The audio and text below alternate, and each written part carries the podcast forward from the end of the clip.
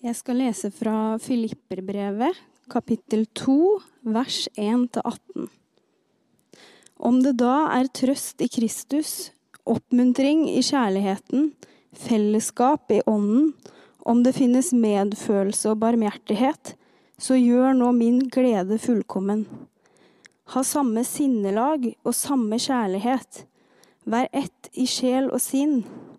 Gjør ikke noe av selvhevdelse og tom ærgjerrighet, men vær ydmyke og sett de andre høyere enn dere selv. Tenk ikke bare på deres eget beste, men også på de andres. La samme sinnelag være i dere som også var i Kristus Jesus. Han var i Guds skikkelse og så det ikke som et rov å være Gud lik, men ga avkall på sitt eget, tok på seg tjenerskikkelse og ble menneskelik.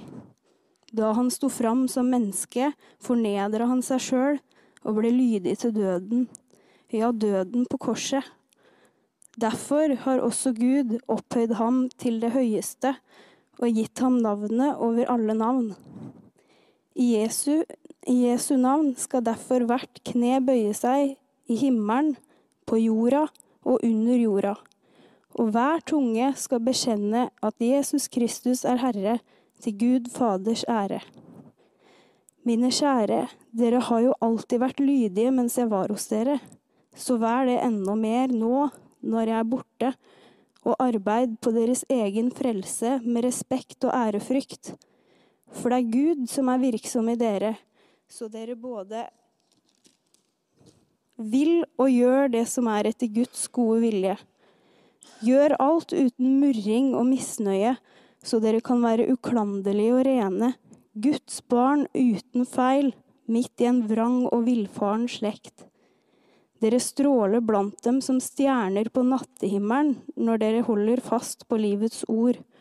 Og da skal, skal jeg få den ros på Kristi dag at løpet mitt og strevet mitt ikke har vært forgjeves.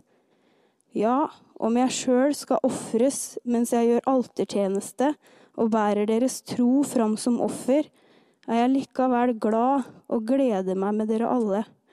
Så må også dere være glade og glede dere sammen med meg. Vi har begynt på en temaserie over fire søndager som vi har kalt 'Å finne glede'. Og hvem ønsker ikke det? Å finne glede? Men hvordan finner en det? Det er det vi har tenkt vi skulle se på ut fra et brev i Bibelen. Filippa-brevet, et brev som Paulus skrev til menigheten i Filippi. Et brev som også har blitt kalt for gledens brev. Et brev der Paulus bruker ordet glede, eller glede seg, 19 ganger. Og Som jeg sa sist søndag, så var det en som sa at dette brevet kunne like gjerne hatt ei overskrift 'Jeg er glad, vær glade dere også'. Så mye handler dette brevet om glede. Men hva er grunnen til Paulus si glede? Ja, det er ikke ytre. For de ytre omstendighetene når Paulus skrev dette, var ikke gode. Han sitter i fengsel. Vi vet ikke helt hvor. Trolig sitter han i Roma i fengsel.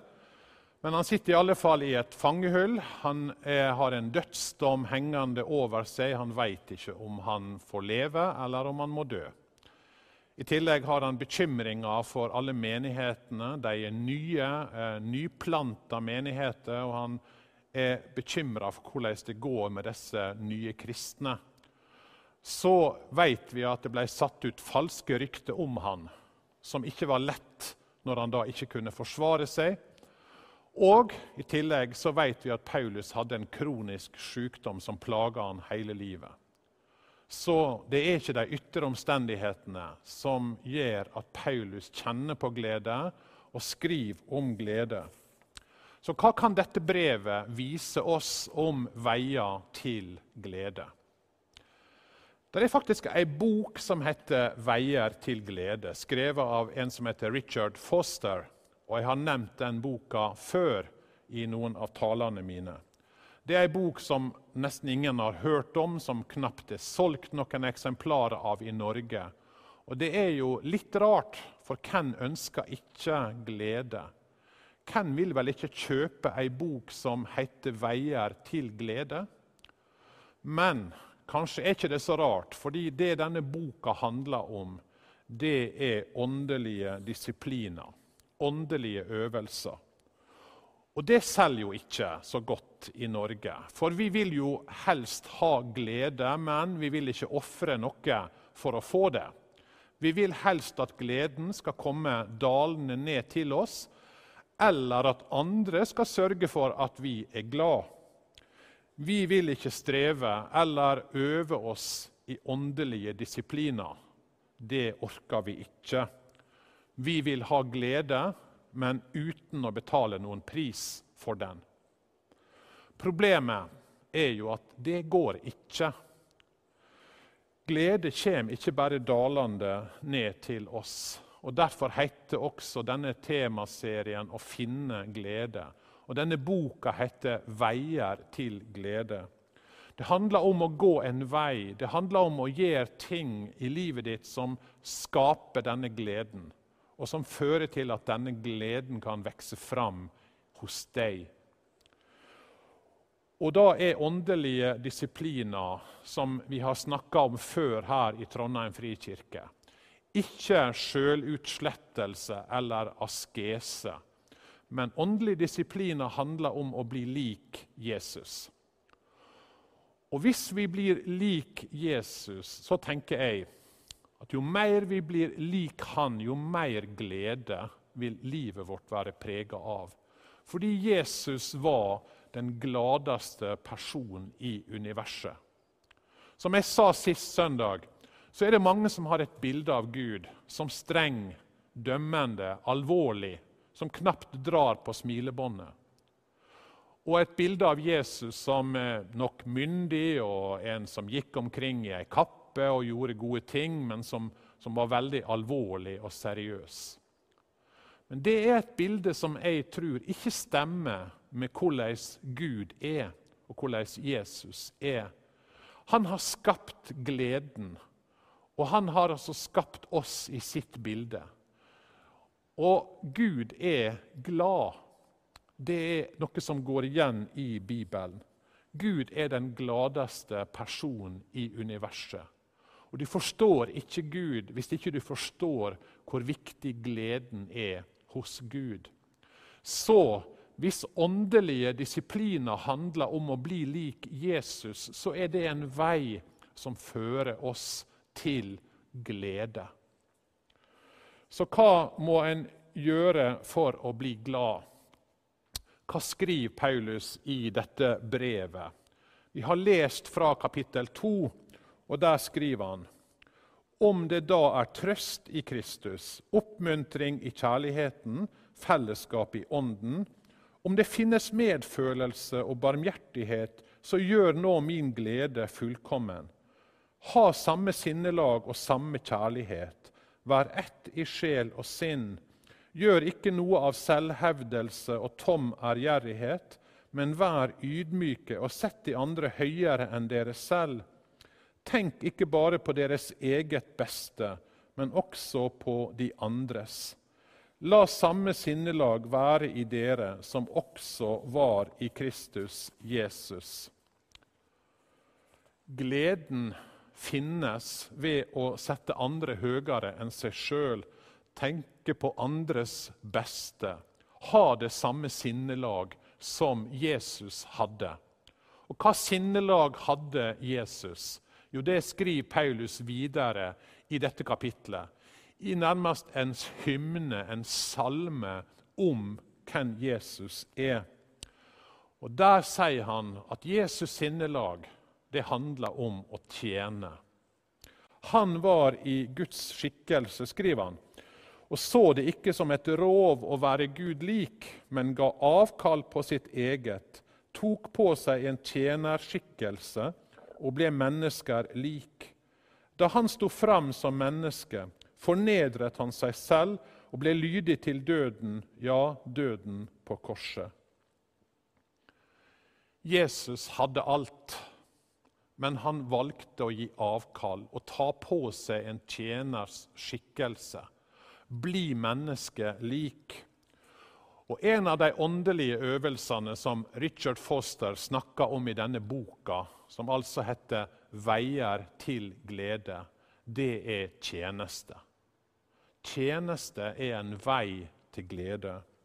Og kanskje du syns det er merkelig tenker at tjeneste det høres jo både slitsomt og strevsomt ut.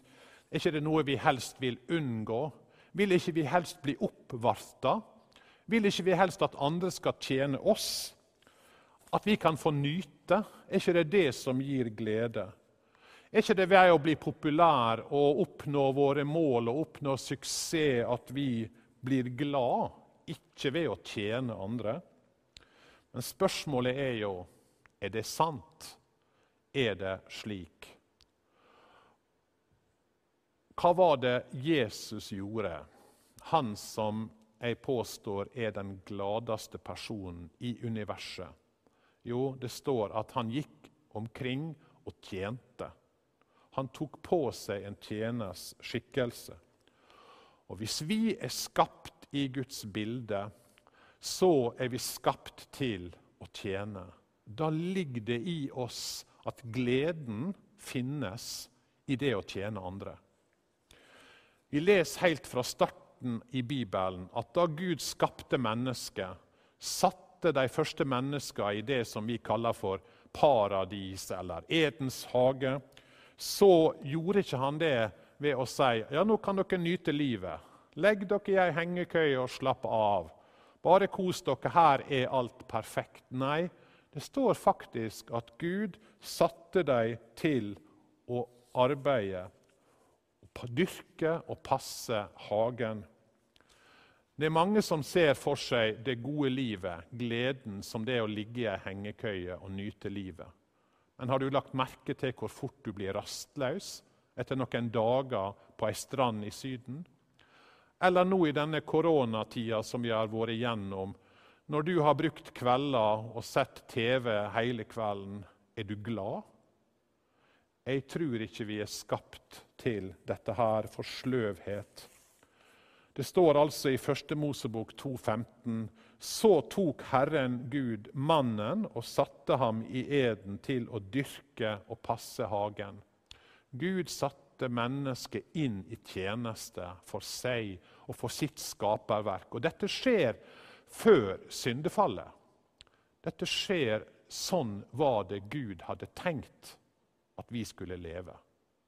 Vi skulle være med i hans tjeneste for den verden og for det skaperverket som han har gitt oss. Vi er skapt til å tjene. Og Da Jesus kom, så står det at han kom ikke for å bli tjent, men for sjøl å tjene og gi livet sitt som løsepenge for mange. Og Jesus kommer inn i en kultur og snur opp ned på alle tanker som mennesker i den kulturen hadde om det å tjene. For i den kulturen Jesus kom inn i, så var dette med tjeneste det var nederst på rangstigen. Det var det siste folk drømte om å gjøre. Filosofen Platon han sier hvordan kan en mann være lykkelig lykkelig hvis han må tjene. Og Den holdninga har fått prege oss også. Vi tenker hvordan kan vi være lykkelige hvis vi skal tjene andre? Jesus kom og sa, 'Jeg er kommet ikke for å bli tjent, men for å tjene'. Og Sånn har Gud skapt oss. Vi takker ofte Jesus for at han kom for å tjene oss, for å gi livet sitt for oss. Og det er flott. Men kanskje skulle vi takke Jesus for at han kom og inviterte oss inn i et liv i tjeneste. For når alt kommer til alt, så tenker jeg der finner vi den gleden som vi lengter etter. Jeg leste om en amerikansk familie. De tok på seg ansvaret for fem foreldreløse barn på Haiti. Så de samla og brukte pengene eh, sine på å hjelpe disse fem barna. I ti år gjorde de det. Eh, ga dem mat, skolegang, klær osv. Og, og barna i denne familien de ofra av sine lommepenger. De hadde dårlige, dårligere gammeldagse sykler, kjøpte ikke moteklær osv. Så, videre. så de var faktisk villige til å gi av sitt for å hjelpe disse barna på Haiti. Og Det gjorde de altså i ti år. Da fikk denne faren i familien en sjanse til å reise til Haiti på, i forbindelse med jobben sin. og Han tok med seg familien, og de reiste til Haiti for å kunne kanskje møte denne, disse barna som de hadde vært med og hjulpet med skolegang osv.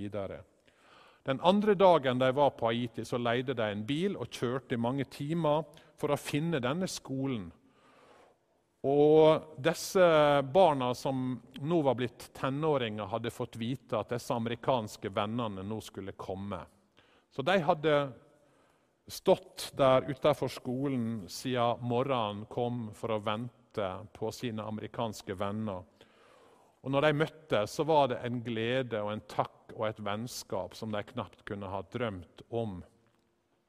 Da de kjørte tilbake igjen den dagen, så satt disse to barna i baksetet helt stille. Så stille at mora måtte spørre er det noe som er galt. Og Så svarte den ene jenta nei, det er ikke noe galt.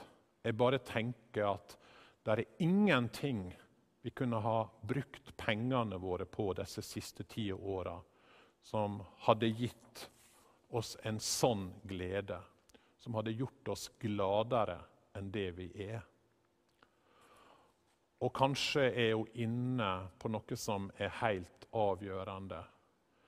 Kanskje tenker vi at vi skal bruke tida, pengene, på oss sjøl for å finne glede. Og så er det helt motsatt. Far min han var norsklærer, og han hadde alltid et ordspråk på lur hvis det var en eller annen situasjon så kom det et ordspråk. Av og til ble jo vi barna lei av det, men mange av disse ordspråkene har jeg huska. Og det ordspråket som kanskje ble gjentatt flest ganger i vår familie, det var dette. Den største gleda en kan ha, det er å gjøre andre glad.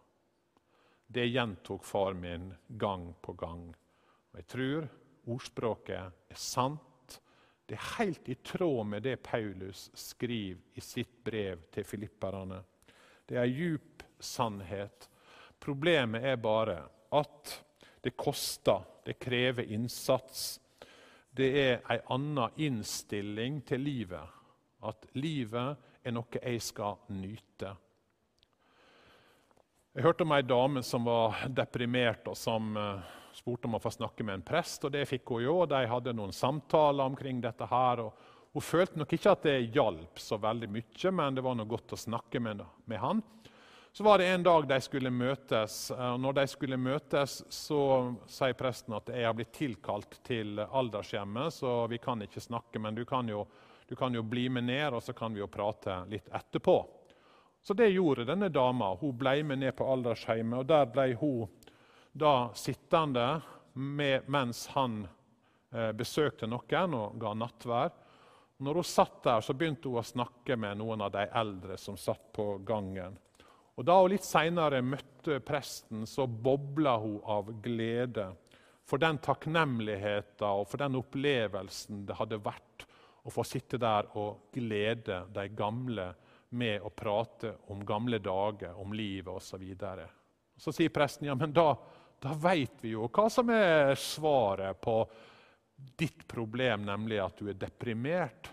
Du kan ta en ettermiddag i uka og besøke de gamle og være noe for dem. Men da ble hun helt forskrekka. Nei, nei, det orker jeg ikke. Bruke én ettermiddag i uka på det?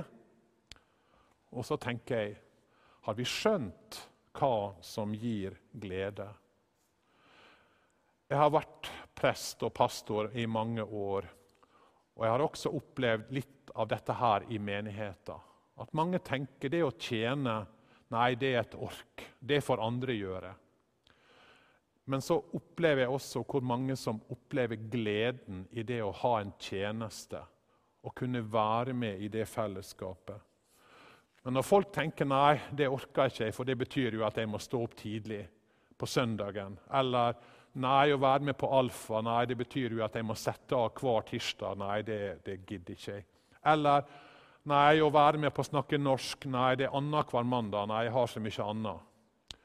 Så ser ikke vi at gleden fins i å få bruke det Gud har gitt oss, av sine gaver, av evnene vi har fått, for å tjene andre. Du går glipp av gleden fordi du får ikke være den Gud har skapt deg til. Jeg tror at det nesten ikke er noe som gir oss så stor glede som det å bruke de evnene og de gavene Gud har gitt oss i tjeneste for Han. Det har vært en veldig stor undersøkelse i 1000 menigheter i verden i forbindelse med noe som heter naturlig menighetsutvikling. De gjorde undersøkelser i 1000 menigheter på alle kontinent. Og En av konklusjonene i denne svære undersøkelsen det var om dette med tjeneste. Det å bruke de gavene, de nådegavene Gud har gitt. Og Deres konklusjon var denne. Vi oppdaget at det trolig ikke er noen faktor som betyr så mye for kristnes livsglede og trivsel som at de kan tjene på områder som stemmer overens med det de har gaver til. Ingenting kan gi så mye livsglede. Og Paulus han hadde oppdaga dette. her. Han hadde oppdaga at det var ved å tjene Jesus, det var ved å dele evangeliet, bruke livet sitt på å bringe evangeliet ut til alle mennesker. Det var det som ga han glede. Fordi Jesus tok på seg en tjeners skikkelse, så tenker Paulus hvis jeg vil være hans disippel, hvis jeg vil følge han, ja, så må jeg gjøre det samme. Det er noen som tenker ja, jeg vil være en disippel, men jeg vil ikke være en tjener. Men det går ikke. For disippelen han er en som følger sin herre og sin mester. Og hva var det Jesus gjorde? Jo, han ga avkall på sitt eget, tok på seg en tjeners skikkelse. Paulus var villig til det, og han skriver om hvordan han ser på livet sitt. Han skriver ja, om jeg selv skal ofres mens jeg gjør altertjeneste, dvs. Si, mens jeg tjener Jesus, forkynner evangeliet, og bærer deres tro fram som offer, er jeg likevel glad og gleder meg med dere alle, så må også dere være glade og glede dere sammen med meg. Om jeg så må dø, sier han, mens jeg reiser rundt og vitner om Jesus, ja, så er jeg likevel glad. For han hadde funnet denne gleden som er større enn ytre omstendigheter. Ei glede i Jesus Kristus, han som kom, ikke for å bli tjent, men for å tjene oss og gi livet som ei løsepenge for oss. Han ble lydig, skriver Paulus. Han ble lydig til døden, ja, døden på korset. Og her, i Jesu tjeneste til oss, så skimter vi den største og den viktigste og djupeste gleden gleden over å få høre Han til. Den som får komme til Jesus med sine nederlag og med sine synder, og får oppleve at Han som kom for å tjene oss, for å gi livet sitt for oss, han tar imot oss, tilgir, stryker ut våre synder. Han opplever ei djup, djup glede. Da jeg begynte som prest i Vesterålen, så inviterte jeg til samtalegruppe for folk som var fremmede for kirka. Og Det var mange som ville være med, så vi starta ei gruppe. Jeg hadde lovt dem at vi skulle fem kvelder så skulle vi snakke om tvil og tru. Vi skulle ikke be høyt, og jeg skulle ikke lese fra Bibelen. Så Dette var en lavterskelgruppe for folk som til dels hadde ingen erfaring eller kunnskap om kristendommen. Det ble en utrolig flott opplevelse, som jeg har gjentatt mange ganger seinere. Men denne første gruppa var litt spesiell, fordi vi brukte den første kvelden til å kanskje få ut all frustrasjon omkring kirke og prester og, og alt sånt. Men så begynte vi å snakke dypere om livet, om Jesus, om hva kristendommen faktisk handler om. En av de som jeg merka var veldig berørt av denne samtalen, eh, det var en av de som var med. Og jeg kjente at Gud minte meg på du må snakke med han. Eh, jeg syntes det var litt vanskelig, men det ble så sterkt at jeg til slutt så måtte jeg bare tenke nei, i kveld drar jeg bare opp og spør om jeg kan få en prat. Og så hadde Gud lagt det såpass godt til rette at akkurat den kvelden så var kona vekke, så han og jeg fikk snakke på tomannshånd. Og Vi snakka om denne gruppa, vi snakka litt omkring dette her med hvordan han hadde opplevd det å bli kjent med Jesus, bli kjent med kristendommen på en helt ny måte, som var helt fremmed for han.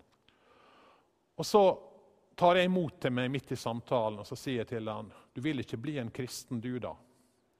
Og Så husker jeg enda svaret. Det var ja, det spørsmålet har jeg venta lenge på. Og så ba vi en enkel bønn sammen, der han ga livet sitt til Jesus og sa 'Jeg vil høre deg til, Jesus. Jeg vil tro på deg'. Og Så kjente jeg en veldig fred, og jeg sa ha det og dro hjem igjen. Og Så spør jeg han noen dager etterpå. Den, den kvelden når, når, du sa du ville høre Jesus til, og du ga livet ditt til han, Kjente du noen følelser, eller hvordan, hvordan var det? Kjente noe, sa han. Jeg har aldri opplevd en sånn glede. Jeg har aldri opplevd en sånn glede. Den djupe gleden i det at Jesus kom for at vi skulle bli frelst og få høre Han til. Det er den aller djupeste gleden. Å få komme til Han med sine synder, med mine nederlag, med alt jeg har svikta og feila på, og få legge dem av hos Han, ja, det gir ei djup, djup glede. Ei bok som kanskje er den, er den mest berømte kristne bøker, heter 'En pilegrimsvandring' av John Bunyan. Det handler om en mann som heter kristen, og om livet hans og vandringa hans. om byrdene han bærer på, og problemer han møter gjennom livet, fristelser av motgang osv. Det er en av de kristne klassikere, og som kanskje har solgt mest av alle kristne bøker, bortsett fra Bibelen. På slutten av boka så kommer kristen til korset. Og Der skriver John Bunyan slik.: Da kristen kom fram til korset, løsnet byrden fra skulderen og falt av ryggen. Den begynte å trille bortover og fortsatte med det til den kom til gravåpningen. Så falt den inn der, og jeg så ikke mer til den. Da ble kristen sorgløs og glad og sa med lett hjerte:" Han har gitt meg hvile ved sin sorg og liv ved sin død. Så hoppet kristen i været tre ganger av glede og gikk syngende videre. Jesus er kommet for å gi glede. Han er kommet for å gi liv og overflod av liv. Og Det er i fellesskap med Han, i tjeneste for Han, at vi også kan finne den dype gleden. La oss be. Jesus, vi takker deg for at du kom. Ikke for å bli tjent, men for å tjene oss. For å gi ditt liv som en løsepenge for oss.